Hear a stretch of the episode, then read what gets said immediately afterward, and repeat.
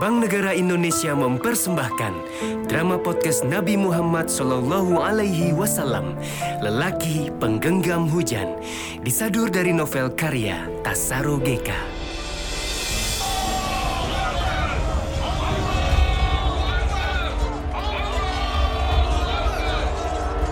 Lelaki Penggenggam Hujan Sebuah kisah biografi tentang kerinduan seseorang pada manusia mulia yang kelahirannya telah diramalkan pada seluruh kitab-kitab suci di dunia.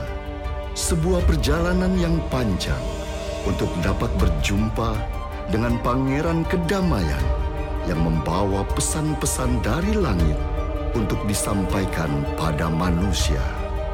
Jika kisahmu diulang seribu tahun setelah kepergianmu, maka mereka yang mencintaimu akan merasakan kehilangan yang sama dengan para sahabat yang menyaksikan hari terakhirmu. Allah Maha Besar. Tidak akan kubiarkan kalian mengotori kesucian Rasulullah. Ayo, maju hadapi aku. Dia! Inilah drama podcast Lelaki Penggenggam Hujan dalam episode pembukaan. Pasukan, beri hormat pada Baginda Raya Raja Hosru. Wahai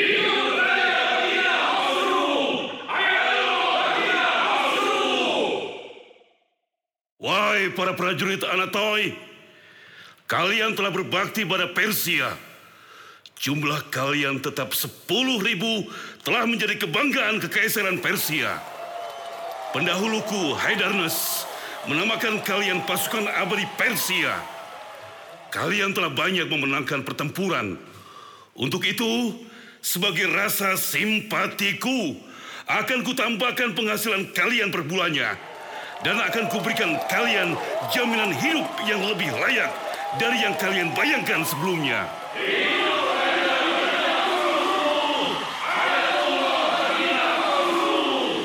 Pasukan abadi berjumlah sepuluh ribu orang. Konon, apabila ada dari mereka yang mati terbunuh dalam peperangan atau terkena penyakit yang mematikan, akan secepatnya segera digantikan. Jumlahnya akan tetap sepuluh ribu, tidak kurang dan tidak lebih. Itulah sebabnya mereka dinamakan pasukan abadi.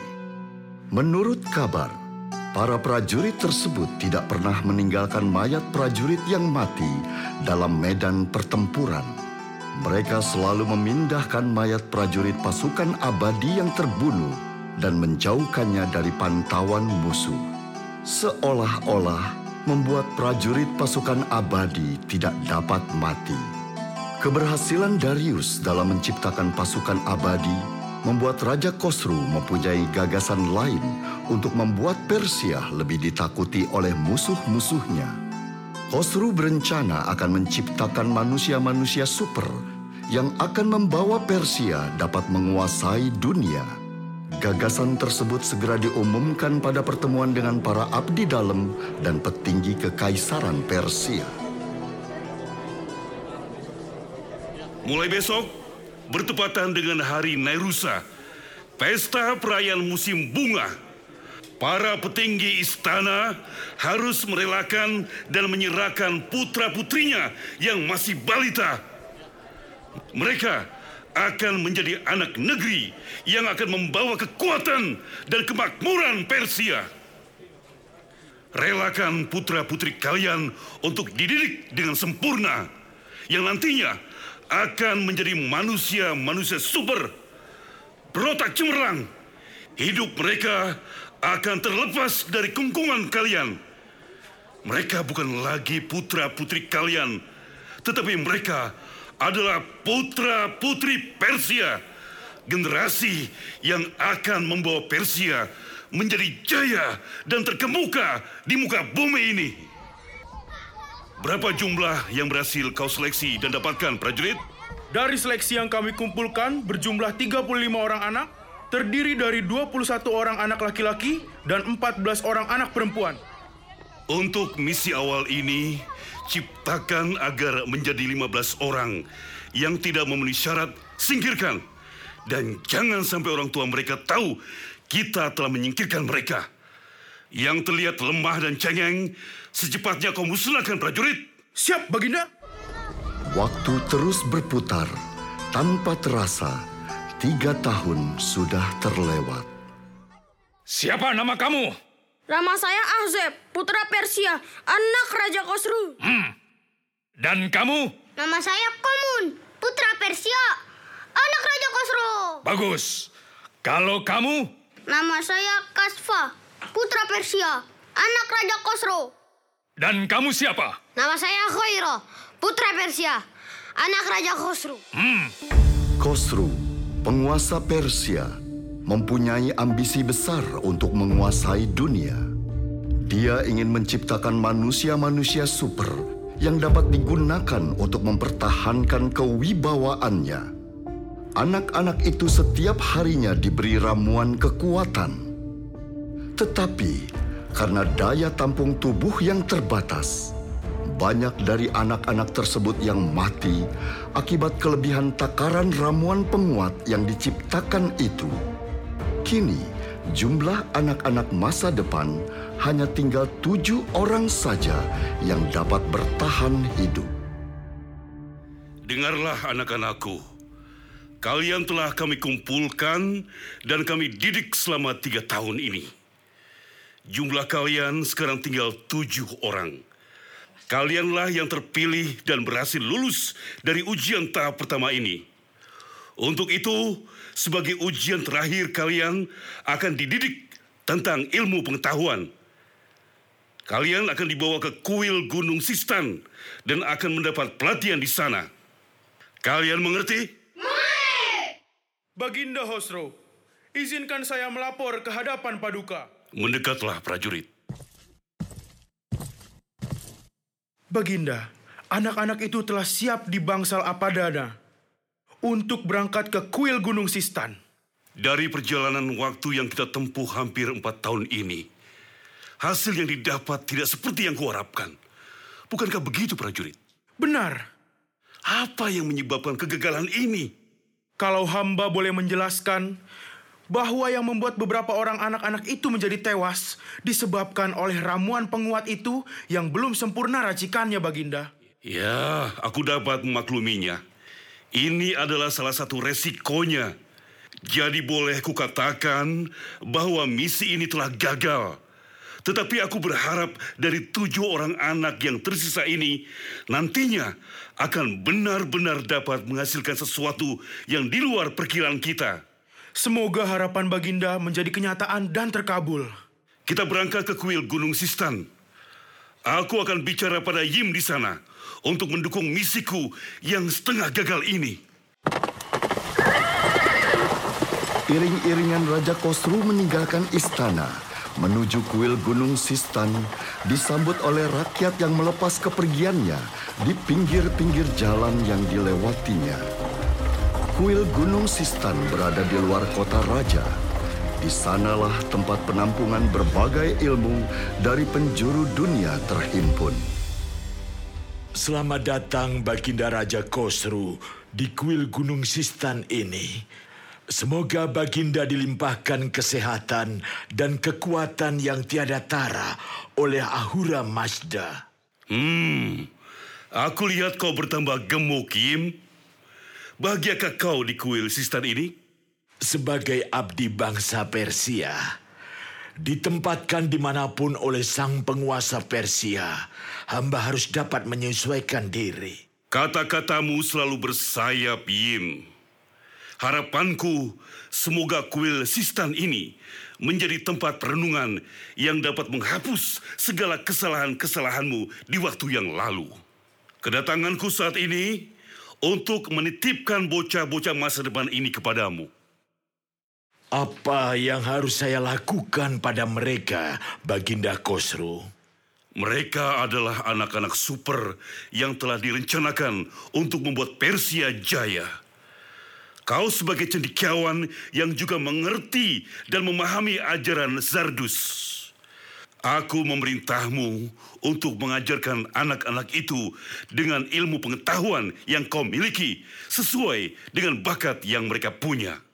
Perintahmu adalah maklumat yang harus saya jalani Baginda Raja Kosru. Bagus. Mereka berjumlah tujuh orang. Terdiri dari empat orang laki-laki dan tiga orang perempuan. Aku benar-benar menitipkan urusan ini padamu, Yim. Demikianlah Yim mulai menurunkan ilmu-ilmu yang dimilikinya pada anak-anak remaja itu. Dari tujuh orang anak itu yang nampak menonjol dan berbakat adalah Kasfa.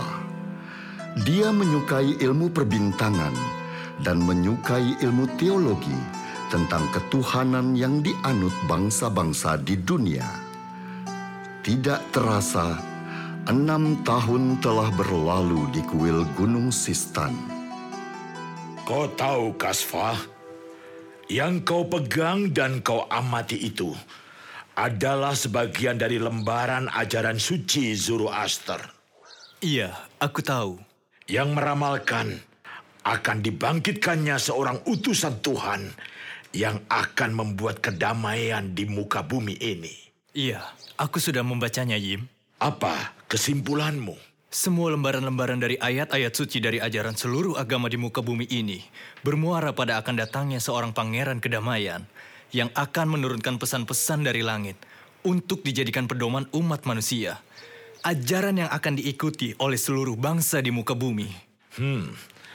Ajaran suci Zoroaster yang kita anut sekarang ini telah menyimpang dari ajaran aslinya. Filsafat api yang diwariskan oleh Zardus telah melenceng sangat jauh. Filsafat api adalah simbol penyembahan kepada Tuhan. Iya, dari ajaran suci di lembaran Dasatir, aku telah menghafal dan dapat memahaminya bahwa sesuatu akan terjadi di tanah Persia ini. Aku sangat hafal dengan lembaran-lembaran suci itu, Yim. Biar kulisankan kepadamu, sang nabi utusan Ahura Mazda berkata, Bila penganut Zoroaster melupakan agamanya dan mereka ingkar, seorang yang istimewa akan dibangkitkan di tanah Arab. Pengikutnya akan menaklukkan Persia, Madian, Tus, Balkan, juga menaklukkan tempat-tempat suci kaum Zoroaster, memusnahkan kuil-kuil api. Kau sangat pintar, Kasfa. oh ya, aku mempunyai seorang putri di Gatas. Dia seusiamu dan sangat suka dengan filsafat, astronomi, dan teologi. Eh, suatu saat nanti akan kusuruh dia kemari.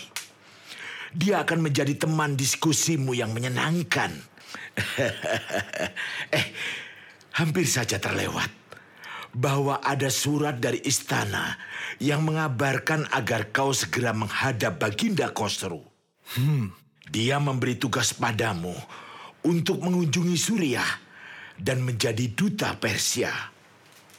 Mungkin besok pagi sekali kau harus ke kota raja dan menjalani misi pertamamu.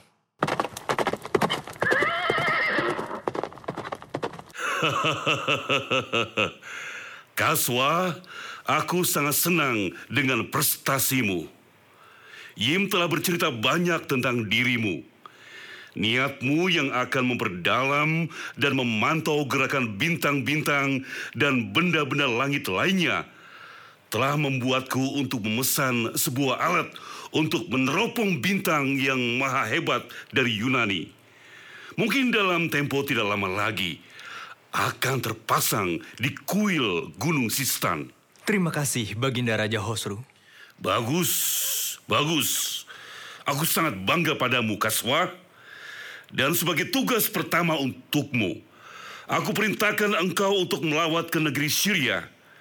Kau akan menjadi duta Persia, membawa pesan-pesanku untuk penguasa Syria. Kasfa berangkat ke Syria. Dia sangat senang dapat melihat-lihat negeri Syria yang baginya sangat eksotis.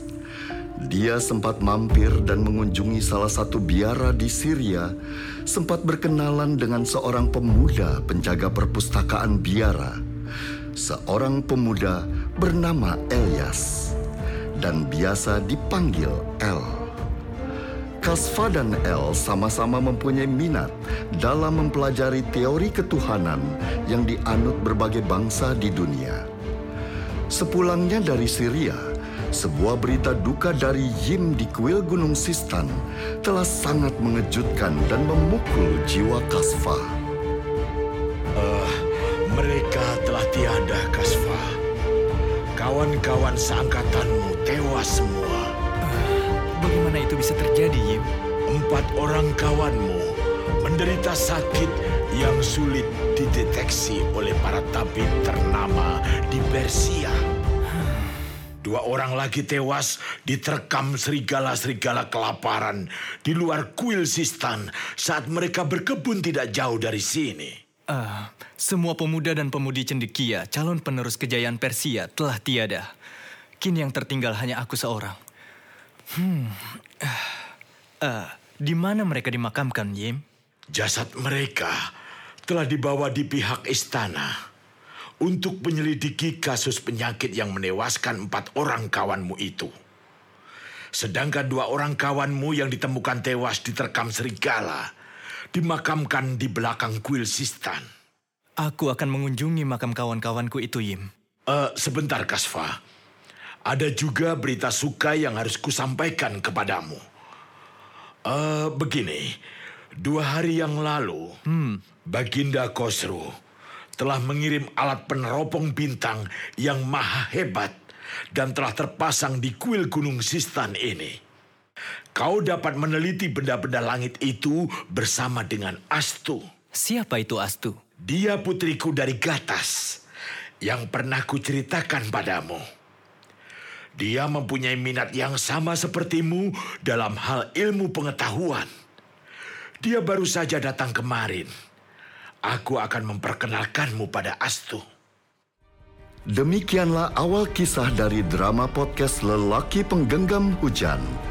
Apakah yang sebenarnya telah terjadi pada masa lalu Yim sehingga Raja Kosru mengucilkan Yim ke kuil Gunung Sistan? Dan apakah pengaruh ramuan yang dikonsumsi Kasfa sejak masih anak-anak itu tidak berpengaruh pada kehidupannya di masa yang akan datang? Juga dapatkah Kasfa mengetahui sejarah keluarganya yang telah dipisahkan dan direnggut oleh Kosru untuk memenuhi ambisinya menciptakan manusia-manusia super guna menjaga kewibawaan kekuasaannya? Semua teka-teki dan pertanyaan itu akan terjawab pada kelanjutan kisah ini. Ikutilah kelanjutan kisahnya, Lelaki Penggenggam Hujan. Drama podcast ini persembahan dari BNI. Sampai jumpa dan nantikan episode selanjutnya hanya di Spotify Podcastless dan YouTube BNI, Bank Negara Indonesia.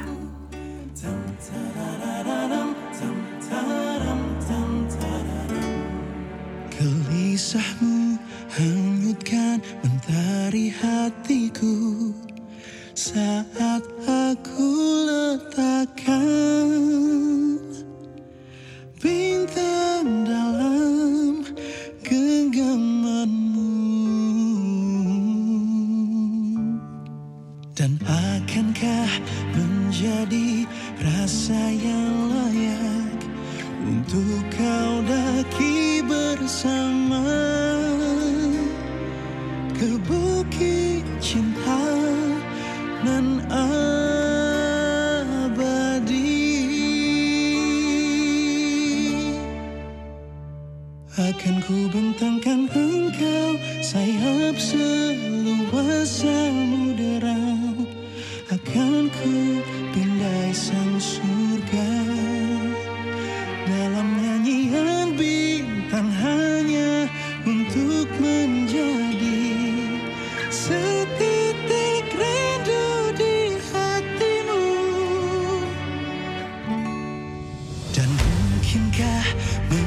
menjadi rasa yang